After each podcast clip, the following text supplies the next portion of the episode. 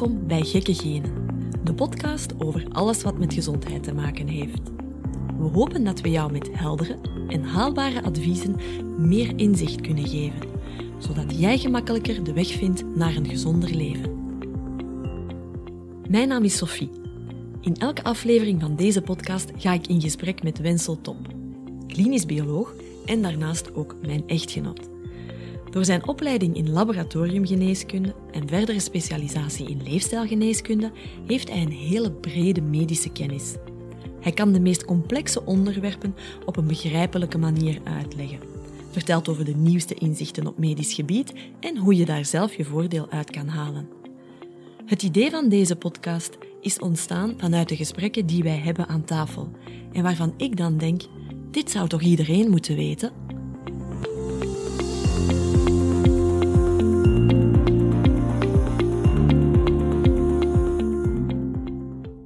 We hebben allemaal wel eens een mindere dag waarop we ons vermoeid voelen. Maar wanneer je last hebt van langdurige vermoeidheid, dan is de kans groot dat er wat fout loopt met de hormonale balans in je lichaam. Het zijn onze hormonen die ervoor zorgen dat de ontelbare taken die al onze cellen en weefsels dagelijks uitvoeren in goede banen geleid worden. Als die hormonen uit balans geraken, wel, dan kan je je voorstellen dat er een en ander fout zal lopen in het lichaam. Een van de gevolgen kan langdurige vermoeidheid zijn. Het zijn altijd dezelfde twee hormonen die terugkomen bij vermoeidheid. Cortisol en de schildklierhormonen. Over cortisol en de rol die cortisol speelt bij stress en vermoeidheid, maar ook bij burn-out en depressie, hebben we het al gehad in aflevering 3 van deze podcast. Maar we hebben het nog niet over de schildklier gehad. En dat gaan we in deze aflevering doen. En omdat het niet zo'n gemakkelijk onderwerp is, hebben we het onderverdeeld in vier delen. De werking van de schildklier, eh, de functie van de schildklier, welke schildklierproblemen er bestaan en finaal dan hoe dat je dat kan meten. En we gaan ons echt beperken tot de basis van de schildklier en de schildklierproblemen, want dat is eigenlijk al complex genoeg. Ik merk toch wel vaak hè, dat wanneer het over gezondheid gaat, dat men de zaken uh, oversimplifieert. Uh, zo in die zin van, ah, is dat uw klacht? Uh, wel, dan zal dat wel het probleem zijn, dus als je dit doet, dan is dat wel opgelost zijn. Mm -hmm. Wel, in de realiteit is het uh, altijd veel complexer dan dat. Dus ik heb het al een paar keren gezegd dat je het menselijk lichaam best kan vergelijken met een Zwitsers horloge, eh, waarin alles netjes aan elkaar hangt. Dus als je de oorzaak van een probleem beter wil begrijpen, wel, dan ga je echt wel naar het geheel, naar het ganse lichaam moeten kijken. En de schildklier, ja, die is daar gewoon een onderdeel van. Een sterke afwijking in de schildklier, ja, die gaan we uiteraard wel detecteren, maar het gaat om over die kleine, subtiele afwijkingen die uh, vaak over het hoofd gezien worden en waar toch wel veel mensen uh, mee te kampen hebben en die ook verantwoordelijk zijn voor de vage klachten uh, waarmee mensen rondlopen en waar je ook iets kan aan doen. Ja. Omdat het zo complex is, zullen we een tijdsindicatie voor elk onderdeel voorzien in de show notes, zodat je snel nog eens kan terugluisteren naar een specifiek deel. We gaan beginnen met de werking van de schildklier. Maar eerst moeten we misschien de locatie van de schildklier nog eens in kaart brengen. Waar zit ze precies? Wel, de schildklier die ligt uh, onder het strottenhoofd, uh, net onder uw ademsappel. Dat is een klein vlindervormig orgaan dat uit twee lobben bestaat. En elke lob is ongeveer 3 op 5 centimeter groot en 2 centimeter dik. Nu, vrouwen kunnen een iets grotere schildklier hebben dan mannen. En ook tijdens de zwangerschap kan de schildklier uh, nog een beetje groter worden. Maar normaal gezien zie je die schildklier niet zitten. Het is enkel maar bij mensen met een overactieve schildklier, dus de ziekte van Graves, dat die schildklier zodanig groot kan worden dat ze zichtbaar wordt als een soort zwelling in de hals. We noemen dat dan een goiter. Ja, en die schildklier produceert dan schildklierhormonen. Ik hoor altijd spreken over T3 en T4. Zijn dat onze schildklierhormonen? Ja, dat klopt. Hè. Dus T3 en T4, dat zijn de schildklierhormonen. Maar er is wel een belangrijk verschil tussen die T3 en die T4. Want T4 die is zo goed als niet actief. Het heeft dus op zichzelf geen effect op het lichaam. Het is T3 dat heel actief is. Dus alle effecten van de schildklier op ons lichaam, die worden door T3 bepaald. Waarom maken we dan T4 aan? Wel, je hebt T4 nodig om T3 te kunnen aanmaken. Want het is T4 dat omgezet wordt naar T3. Dus T4 is eigenlijk te beschouwen als een voorloper of een soort prohormoon van T3. Mm-hmm. Alle T4 wordt in de schildklier aangemaakt. En een klein deel van die T4 wordt in de schildklier al omgezet naar T3. En de rest van dat T4, dat komt samen met dat klein beetje T3 dat al omgezet is in het bloed terecht. En dus het grootste gedeelte van het T4 wordt pas in T3 omgezet in de rest van het lichaam, zoals de lever, de nieren en de hersenen. Dus de grootste omzetting van T4 naar T3 gebeurt dus buiten de schildklier. Okay. Ja, en dat is niet onbelangrijk, omdat hier al duidelijk wordt dat onze algemene gezondheid wel degelijk een invloed kan hebben op de werking van de schildklier. Ja, ja. want hoe minder T4 je in T3 gaat omzetten, hoe meer jouw lichaam dat eigenlijk gaat aanvoelen als een traag werkende schildklier. Zelfs al werd uw schildklier op dat moment perfect normaal. Dus de schildklier is dan niet echt het probleem, maar wel de omzetting van T4 naar T3 in de rest van uw lichaam. Als ik het dan goed interpreteer, zijn er twee manieren waardoor er minder actief T3 in het lichaam beschikbaar kan zijn. Een eerste manier is wanneer de schildklier zelf niet meer werkt zoals het hoort, hè, waardoor de schildklier minder T4 aanmaakt en dus automatisch ook minder T3. En de tweede manier is wanneer ons lichaam niet gezond is en de omzetting van T4 naar T3 in en buiten de schildklier daalt, waardoor er opnieuw minder T3 zal zijn. Maar dat is helemaal juist. Dus het probleem kan dus in de schildklier of kan buiten de schildklier liggen. Maar het resultaat is voor het lichaam uiteraard hetzelfde. Hè? Er is gewoon minder T3. We gaan daar later nog even op terugkomen als we het gaan hebben over de mogelijke oorzaken van een traagwerkende schildklier. Waarom vertel je dat nu dan niet? Maar ik denk dat het echt wel belangrijk is dat mensen eerst goed weten um, hoe een schildklier precies werkt. Uh, en dan kunnen we iets zeggen over de schildklierproblemen. Ja. Want naast die aanmaak van die schildklierhormonen, dus die T3 en T4, is er ook nog een belangrijk mechanisme in ons lichaam om de hoeveelheid schildklierhormoon dat we aanmaken, om die te kunnen controleren. En dat systeem dat noemen we het negatieve terugkoppelingsmechanisme. En dat is eigenlijk heel gelijkaardig aan het systeem dat het lichaam gebruikt om de aanmaak van cortisol te regelen. En mm -hmm. wat we al in een, in een andere aflevering uh, helemaal uitgelegd hebben. Klopt. Alleen spreken we bij cortisol over de hypothalamus-hypofysaire bijnieras, of de HPA-as.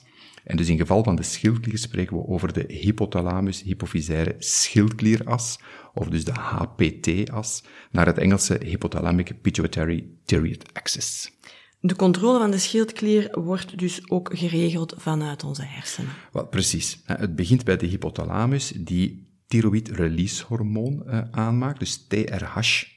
En dat TRH gaat naar een ander stuk van de hersenen, dus de hypofyse, en stimuleert daar de aanmaak van het TSH, dus het thyroid stimulating hormoon. En dat TSH, dat kan vervolgens in de bloedbaan terechtkomen, kan zo de hersenen verlaten, en gaat dus de schildklier bereiken, waar TSH de aanmaak van T4, en dus ook wel T3, gaat stimuleren. Maar van zodra je genoeg T4 en T3 in je bloed hebt, dan kan de hypothalamus in de hersenen dat ook detecteren dat je genoeg hebt.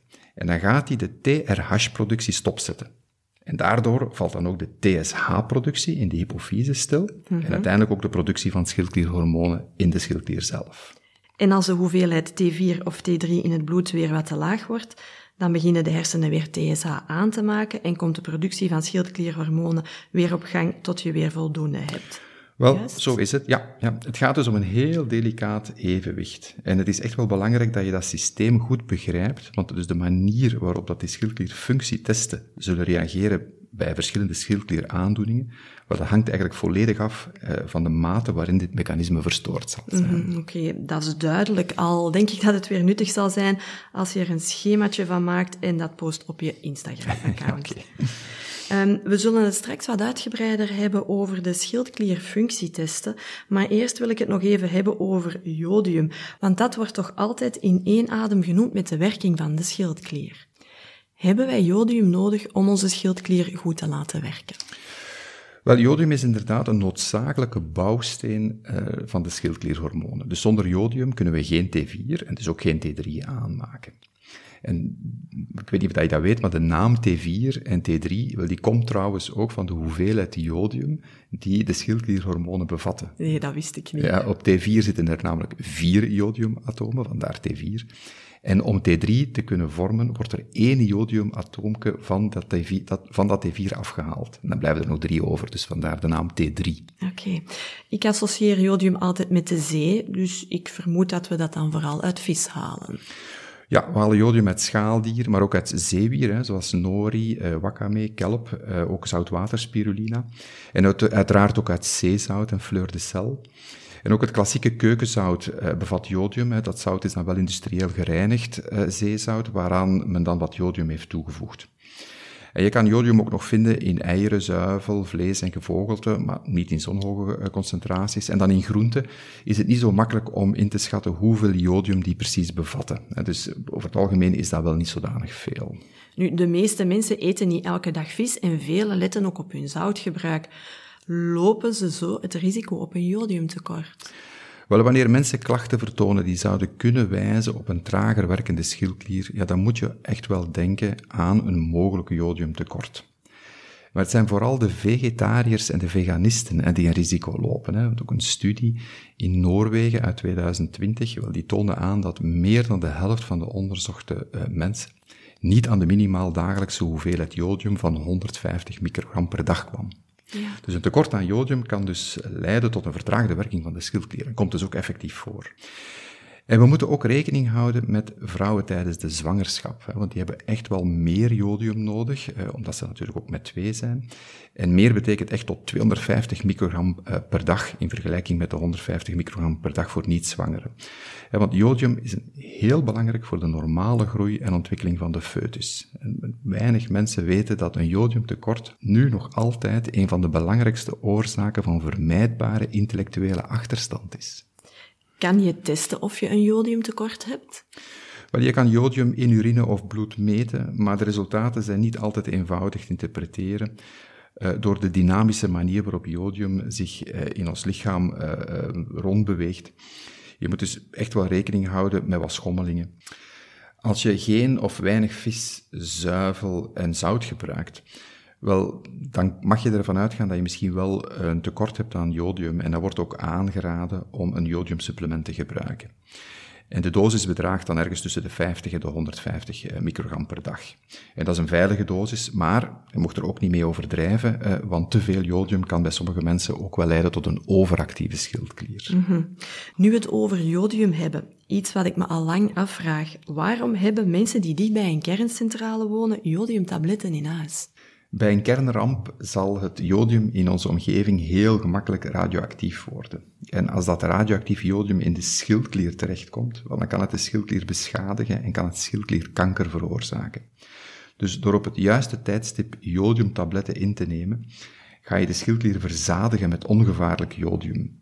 En als dat radioactief jodium dan toch in het lichaam terecht zou komen, wel, dan gaat de schildklier dat gewoon niet gebruiken. En dan gaat de kans op schildklierkanker uh, echt wel veel lager zijn. Ja. Laat ons dan eens kijken wat die schildklierhormonen, vooral dan T3, precies doen in het lichaam. T3 heeft een hele brede werking, maar algemeen kan je stellen dat uh, schildklierhormonen vooral zorgen voor meer actie in het lichaam. En dat op verschillende niveaus. Het niveau van het metabolisme, dus de manier waarop we met suikers, vetten en eiwitten omgaan, wel, T3 gaat uh, wat we noemen de Basic Metabolic Rate, of de BMR, verhogen. Dus dat is dus de manier waarop onze cellen energie gaan verbranden. Dus een hogere rate stimuleert de suiker- en de vetverbranding, waardoor onder andere ook de temperatuursregulatie, het zuurstofgebruik eh, in ons lichaam gaan uh, verbeterd worden. Ook de hartfunctie wordt gestimuleerd. Het hart trekt steviger en sneller samen, waardoor de bloedtoevoer doorheen het lichaam verhoogd wordt. Maar ook ter hoogte van vele andere lichaamsfuncties is er een effect van T3. dus T3 maakt ons alerter in de hersenen. T3 stimuleert de beweging van het maag-darmstelsel. T3 helpt ook de menstruele cyclus te regelen bij de vrouwen en helpt ook bij de aanmaak van spermatozoïden bij mannen. Dat is inderdaad een hele boterham. Ik mag er dus van uitgaan dat een ontregelde schildklier verschillende soorten klachten kan geven. Ja, in geval van een overactieve schildklier zullen heel wat functies in overdrive uh, komen, terwijl dat uiteraard net het omgekeerde is bij een trager werkende schildklier. En als je dus weet dat er een probleem is met de schildklier, ja, dan is het niet zo moeilijk om op basis van die klachten vast te stellen of je met een overactieve of juist een trager werkende schildklier zit. Want die zijn volledig tegengesteld aan elkaar. Mm -hmm. Het probleem is dat de klachten, zowel bij een overactieve als bij een trager werkende schildklier, heel aspecifiek zijn. Het zijn dus klachten die je ook nog bij andere aandoeningen ziet. Ja, klopt. En je zal dus bijna altijd schildklierfunctietesten nodig hebben om echt te kunnen weten of het nu om een schildklierprobleem gaat of om een ander probleem. Vooraleer we die schildklierfunctietesten gaan bespreken, zou ik graag eerst nog wat dieper willen ingaan op de verschillende schildklieraandoeningen. Eenvoudig gesteld kan je een onderscheid maken tussen twee schildklierproblemen. Een overactieve schildklier, die we ook hyperthyroïdie noemen, wanneer je te veel schildklierhormonen aanmaakt. En aan de andere kant heb je een trager werkende schildklier, en dat noemen we dan een hypothyroïdie, en dat is eh, wanneer je te weinig schildklierhormonen aanmaakt. Nu, een hyperthyroïdie, dat komt niet zo vaak voor. Het is vooral de hypothyroïdie die voorkomt en die bovendien ook die uh, typische vermoeidheidsklachten geeft. En wat ook is, is dat een ongezonde leefstijl, ziekte en te veel stress, maar dat kan ook een hypothyroïdie veroorzaken. En dat is iets wat weinig mhm. mensen, maar ook weinig artsen weten. Ah ja. Dus dan is het duidelijk dat we het vooral over de hypothyroïdie moeten hebben. Maar kan je misschien toch kort eventjes iets zeggen over de hyperthyroïdie? Want ik kan me voorstellen dat er een aantal mensen die nu luisteren daar toch in geïnteresseerd zijn. Wel, een overactieve schildklier kan zijn oorzaak hebben in de schildklier zelf of buiten de schildklier. Als het een probleem in de schildklier is, dan kan het een gezwel zijn, goedaardig of kwaadaardig. Kan ook zijn door te veel jodium in te nemen, maar meestal gaat het om een auto-immuunaandoening. Dat wil zeggen dat het lichaam antistoffen begint aan te maken tegen de eigen weefsels, dus in dit geval de schildklier.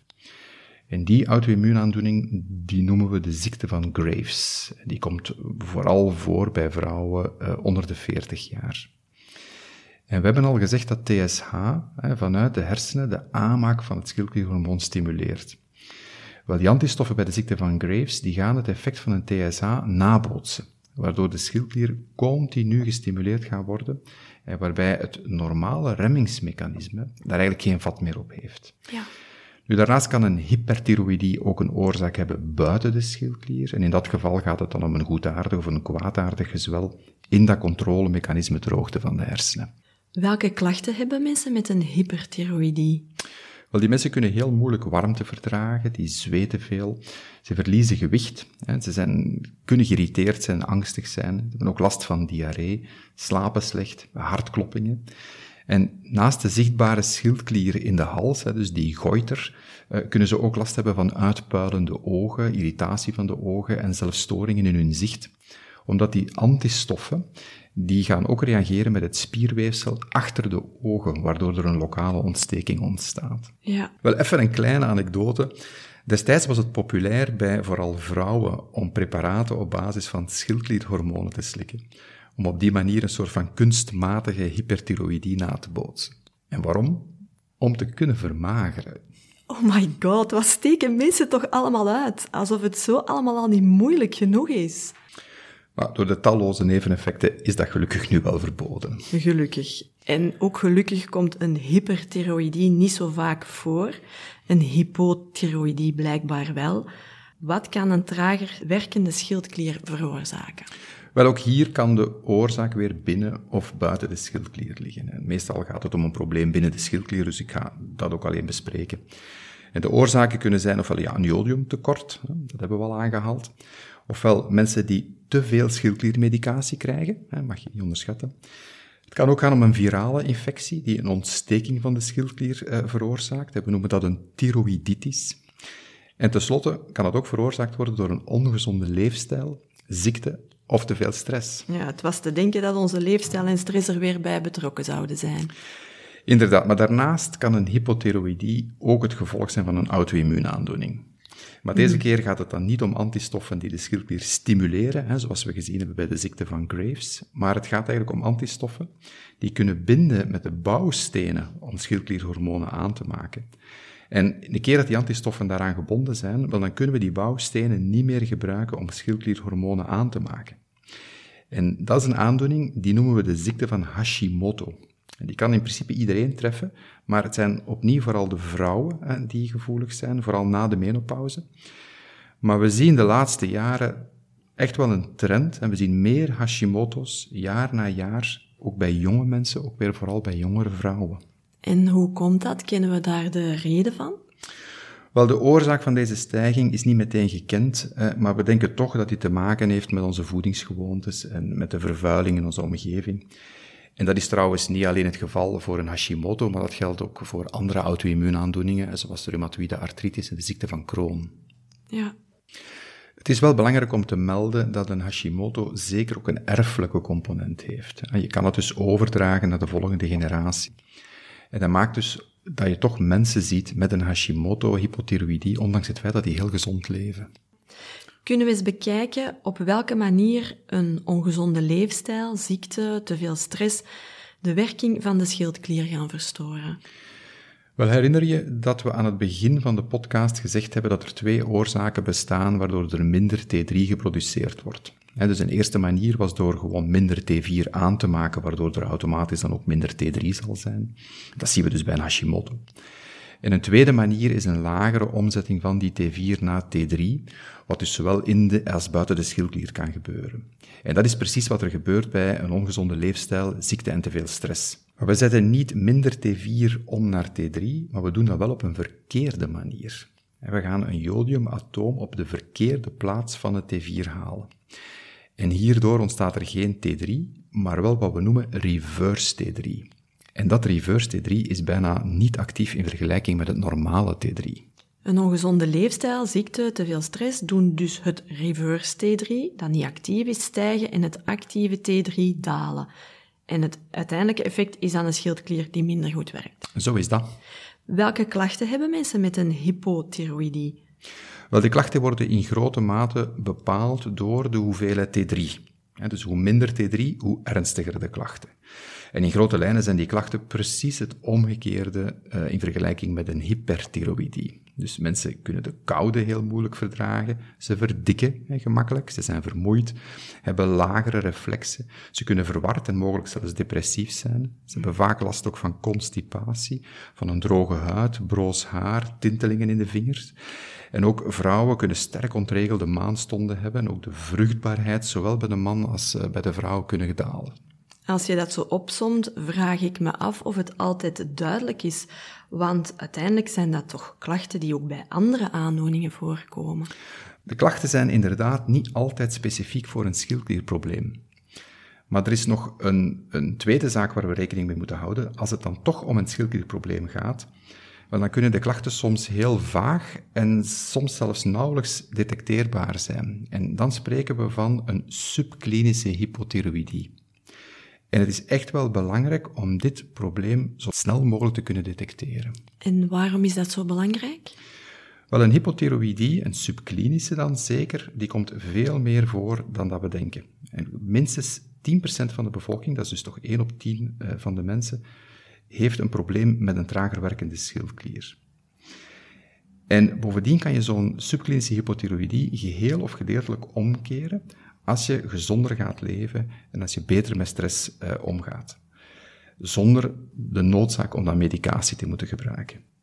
En dat is echt wel van belang bij een Hashimoto, omdat we toch zien dat tussen de 35 en de 55 procent van de subklinische Hashimoto-gevallen uiteindelijk toch zouden evolueren naar een klinische hypothyroïdie. Dat wil zeggen dat ze echt wel duidelijke klachten gaan krijgen als je niks gaat doen. Ja, en um, wat moet ik verstaan onder het gebruik van medicatie uh, in deze context? De behandeling van een hypothyroïdie met duidelijke klachten bestaat uit het geven van synthetisch T4 of levothyroxine via medicatie. We noemen dat schildkliersubstitutie. Nu, op zich is dat veilige medicatie, die ook heel veel gebruikt wordt, maar zoals bij zoveel medicatie die je heel lang en vaak levenslang moet nemen, worden daarmee wel de klachten verholpen, maar moet je wel beseffen dat je niet de eigenlijke oorzaak van het probleem aanpakt. Want ik geef opnieuw het voorbeeld van een subklinische Hashimoto. Dus aanpassingen in de leefstijl en stresscontrole, wel, die kunnen de aanmaak van antistoffen echt beperken, waardoor de schildklier toch zijn werk kan blijven doen. Als je gewoon schildkliersubstitutie gaat opstarten zonder verder iets te doen, Wel, dan krijg je die schildklier wel onder controle, maar je doet niets aan de oorzaak van het probleem. En dat kan dan op termijn erger worden, zodat je het risico loopt om steeds hogere dosis medicatie nodig te hebben. En bovendien zal ook het risico op andere chronische gezondheidsproblemen uiteraard ook toenemen. Ja. Kan je dan met leefstijlaanpassingen en stresscontrole het probleem van een hypothyroïdie volledig oplossen? Ja en nee. Dus ja, leefstijlaanpassingen en stresscontrole zullen altijd een gunstig effect hebben op de gezondheid, dus ook op de schildklier. En nee, maar dus aan de andere kant zal je het probleem op zich niet altijd kunnen oplossen. Dus net zoals bij andere auto-immuunaandoeningen kan je een Hashimoto niet zomaar omkeren. Want je moet er rekening mee houden dat eens je immuunsysteem antistoffen tegen je eigen weefsels begint te vormen, wel dan is dat heel moeilijk om dat terug te corrigeren. Maar je kan wel beletten dat die verder gaat evolueren. Je kan dus een Hashimoto zeker wel onder controle houden door gezond te leven en door je stress te beheersen. Maar als je een trager werkende schildklier hebt zonder een Hashimoto, wel, dan kan dus een aanpassing van de leefstijl en stressbeheersing echt wel in veel gevallen voor een volledige omgekeer, ommekeer zorgen. Ja, toch dus dan ga je de omzetting van T4 naar dat nauwelijks actieve reverse T3 terug omkeren naar een omzetting naar het normale actieve T3. Oké. Nu het onderscheid tussen een hyperthyroïdie en een hypothyroïdie uitgelegd hebben, en we weten dat er een onderscheid gemaakt wordt uh, tussen een klinische en een subklinische hypothyroïdie, wel, dan is het tijd om het te hebben over de schildklierfunctietesten. Even terzijde, merci voor de moeilijke woorden. De luisteraars horen dat misschien niet, maar er is al fameus geknipt, want ik zal blijven vallen over hypothyroïdie en hyperthyroïdie steroïdie. is absoluut geen cadeau. Wittere. ja, wittere. Bon, um, anyway, zoals je uh, al eerder zei, de klachten van een schildklierprobleem die kunnen zo divers zijn dat het moeilijk is om enkel op basis van die klachten te gaan besluiten tot een schildklierprobleem. Um, aangezien het in het geval van een subklinische hypothyroïdie mogelijk is dat er nauwelijks klachten zijn, maar dat het toch belangrijk is om te weten dat er wat met die schildklier aan de hand is, om zo te vermijden dat het probleem alleen maar groter gaat worden, lijken die schildklierfunctietesten mij toch wel uh, belangrijk. Zeker en vast. Schildklierfunctietesten zijn niet alleen belangrijk in de screening, maar ook in de diagnose en de opvolging van een schildklierprobleem. Zonder die testen zit je eigenlijk in het donker. En is het heel moeilijk om correct te kunnen inschatten wat nu precies het probleem is en wat je best kan doen. En je zal dus zien dat de meeste artsen ook heel snel schildklierfunctietesten zullen aanvragen bij een bloedonderzoek, zelfs al zijn er geen specifieke klachten. Ja. Is het ingewikkeld om de resultaten van die testen te interpreteren? Wel, ik zelf als klinisch bioloog vond het aan het begin van mijn opleiding best wel verwarrend. Maar eigenlijk is het niet zo moeilijk als je goed begrijpt hoe de schildklier en dat controlemechanisme in de hersenen juist in elkaar zitten. Voordat we die testen bespreken, um, is het dan misschien wel nuttig om de normale werking van de schildklier toch nog eens eventjes kort samen te vatten. T4 en T3 zijn onze schildklierhormonen. T3 wordt gevormd uit T4 en enkel het T3 is actief. De aanmaak van schildklierhormonen wordt vanuit onze hersenen geregeld door het TSH. Als TSH stijgt, dan maak je meer T4 en T3 aan en omgekeerd. Als TSH daalt, dan stopt de aanmaak van T4 en T3. En daarmee heb je al meteen de belangrijkste schildklierfunctietesten vernoemd. Dus de TSH, het T4 en het T3. Die kunnen we alle drie heel eenvoudig in bloed uh, meten. Voor de volledigheid geef ik wel nog even mee dat alle laboratoria het vrij T4 en het vrij T3 meten. Daar is een reden voor, maar die ga ik niet uitleggen, want dat zou ons te verleiden en is ook niet zo relevant hier. Maar hou er dus wel rekening mee als we het over schildklierfunctietesten hebben. Wel, dan spreken we eigenlijk over vrij T4 en vrij T3, maar daar bedoelen we dus gewoon de hoeveelheid T4 en T3 mee. Als ik naar mijn laatste bloedonderzoek kijk, dan zie ik dat er effectief schildklierfunctietesten uitgevoerd zijn, maar wel enkel TSH en vrij T4. Waarom werd vrij T3 niet gemeten? Dat is toch het actieve schildklierhormoon? Het klopt dat in een routine bloedonderzoek enkele TSH en vrij T4 gemeten worden. En sommige artsen meten zelfs enkele TSH. Daar is uiteraard wel een reden voor. Vertel. Wel, de belangrijkste schildklierfunctietest is TSH. En waarom is dat? Omdat kleine wijzigingen in T4 en T3 al meteen kunnen zorgen voor een grotere aanpassing in TSH. Dus TSA is met andere woorden de meest gevoelige test om een schildklierprobleem te kunnen aantonen. En vandaar dat sommige artsen ook alleen maar met TSH werken. Maar ik vind dat, omdat eh, vrij T4 toch wel nuttige bijkomende informatie geeft, ben ik toch een voorstander om TSH altijd samen met vrij T4 te bepalen. Nu, wat vrij T3 betreft, dat is het minst interessant, omdat de waarden nogal kunnen schommelen in functie van de omzettingsgraad uit T4 in en buiten de schildklier. Maar ook omdat het lichaam zo lang mogelijk gaat proberen om voldoende T3 uit T4 aan te maken. Dus dat wil zeggen dat vrij T3 het langst stabiel zal blijven en dus het minst gevoelig is om een schildklierprobleem te kunnen aantonen. En het is ook om die reden dat het, het RISIF hè, dus een rem gezet heeft op, het, op de aanvragen van TSH, samen met de vrij T4 en vrij T3. Als uw TSH en uw vrij T4 niet afwijkend zijn, dan wordt een FT3, dus een vrij T3-bepaling, wordt dan niet terugbetaald. Die moet je dan zelf bepalen. En dat is ook de reden waarom heel weinig artsen vrij T3 aanvragen. Hoe moet ik dan mijn TSH en vrij T4-resultaat interpreteren? Ik ga de interpretatie enkel uitleggen voor problemen die zich in de schildklier bevinden, want problemen buiten de schildklier, die komen niet zo vaak voor en die zouden de dingen ook alleen maar eh, verwarrender maken. En dat gaan we aan de endocrinologen overlaten, want we zijn wel geïnteresseerd in de basis, maar we moeten nu ook niet direct specialisten worden. Zo is dat. Dus bij een hyperthyroïdie maakt de schildklier te veel schildklierhormonen aan, dus uw vrij T4 zal dus verhoogd zijn. En deze hoge waarden gaan aan de hersenen het signaal geven om geen TSH meer aan te maken. Dus het typische bloedbeeld voor een hyperthyroïdie is dus een verhoogd vrij T4 en een verlaagd TSH. En bij een hypothyroïdie is dat net omgekeerd. De schildklier maakt dan minder schildklierhormonen aan, dus vrij T4 zal verlaagd zijn. En deze lage waarden die gaan aan de hersenen het signaal geven om TSH aan te maken. Dus een typisch bloedbeeld voor een hypothyroïdie is een laag vrij T4 en een verhoogd TSH. Ja. Waar zit dan de moeilijkheid? Want ik kan bijna niet geloven dat het zo eenvoudig is. De basis is inderdaad eenvoudig. De moeilijkheid ligt bij de TSH-waarde in geval van een hypothyroïdie. En dus vanaf welke waarde is een TSH-resultaat verhoogd en vanaf welke waarde moet je gaan behandelen met medicatie. Daarover kunnen de meningen nogal wat verdeeld zijn. De referentiewaarden voor TSH in ons labo die gaan van 0,27 tot 4,2 milliunits per liter. Dat zijn referentiewaarden die behoorlijk stabiel zijn en die je ook in de meeste andere laboratoria wel gaat terugvinden.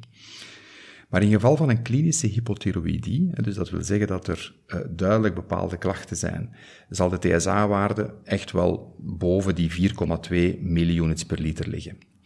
Maar dat is dus niet het geval bij een subklinische hypothyroïdie. En dus daarvoor wordt er meer en meer nu een afkapwaarde van 3 en zelfs 2,5 milliounits per liter gebruikt. En, en, dat wil dus zeggen dat TSH-waarden tussen de 3 en de 4,2 milliounits per liter wel, die liggen nog binnen de referentiewaarde, maar zijn eigenlijk toch wel een teken dat er een probleem kan zijn met de werking van de schildklier. Zeker ook als je naast die licht verhoogde TSH-waarde ook een licht verlaagde vrij T4-waarde hebt, dan kan dat echt wel wijzen op een trager werkende schildklier. En vandaar dat we in het FitLab bloedonderzoek werken met de verhouding TSH over vrij T4, zodat we het effect van beide testen in één enkel resultaat beter kunnen inschatten. Mm maar je ziet hier al meteen het echte probleem. Dus heel wat mensen zitten met vage klachten als gevolg van een vertraagde schildklier, maar met een TSH-waarde die eigenlijk nog binnen de referentiewaarde ligt. Wel hoger dan 3, maar lager dan 4,2. En dan krijgen die helaas vaak te horen dat er niets aan de hand is, want TSH is zogezegd niet verhoogd, ligt binnen de referentiewaarde. En dat is dus het probleem als je enkel maar naar de referentiewaarde kijkt. Ja.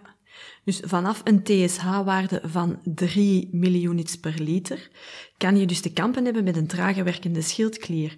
Tot welke waarde kan je met leefstijlaanpassingen en stresscontrole zelf de schildklierfunctie corrigeren en vanaf welke waarde moet je echt wel medicatie gaan nemen? Voor de meeste mensen ligt de grens ergens op 10 milliounits per liter, in functie uiteraard van hun klachten, om al dan niet met medicatie te starten. En voor jongere mensen kan het zelfs nodig zijn om vanaf 7 millioenits per liter medicatie op te starten. Dus afhankelijk van de leeftijd en de klachten kan je dus onder de 7 of onder de 10 miljoenits per liter heel veel doen met leefstijl- en stresscontrole zonder de noodzaak om medicatie te moeten opstarten. En dus de grootste groep mensen met een hypothyroïdie, die hebben een TSH-waarde die effectief lager ligt dan die 7 of die 10 miljoenits per liter. En die kunnen dus zelf hun probleem echt wel beginnen aanpakken. Mm Hebben we alles rond testen daarmee besproken? Wel, voor de volledigheid vermeld ik nog dat er nog andere testen uiteraard bestaan, hè, zoals altijd. Je kan ook een reverse T3 eh, meten. En je kan ook de aanwezigheid van de antistoffen, hè, dus in geval van de ziekte van Graves en de ziekte van Hashimoto, gaan meten. Maar dat zijn testen die artsen niet routinematig aanvragen, maar enkel in geval dat de basisschildkliertesten uiteraard afwijkend zijn. Is er dan nog een tip of een weetje in verband met de schildklier um, dat je nog met de luisteraars kan delen om deze aflevering af te sluiten? Wel, ik heb er twee deze keer. De eerste is het verband tussen de schildklier en stress, of met andere woorden, tussen TSH en cortisol. Want we weten al dat stress de omzetting van T4 naar het niet-actieve T3 zal bevorderen, waardoor er een subklinische hypothyroïdie kan ontstaan. Maar stress zal ook cortisol doen stijgen. En een hoger cortisol remt juist de aanmaak van TSH.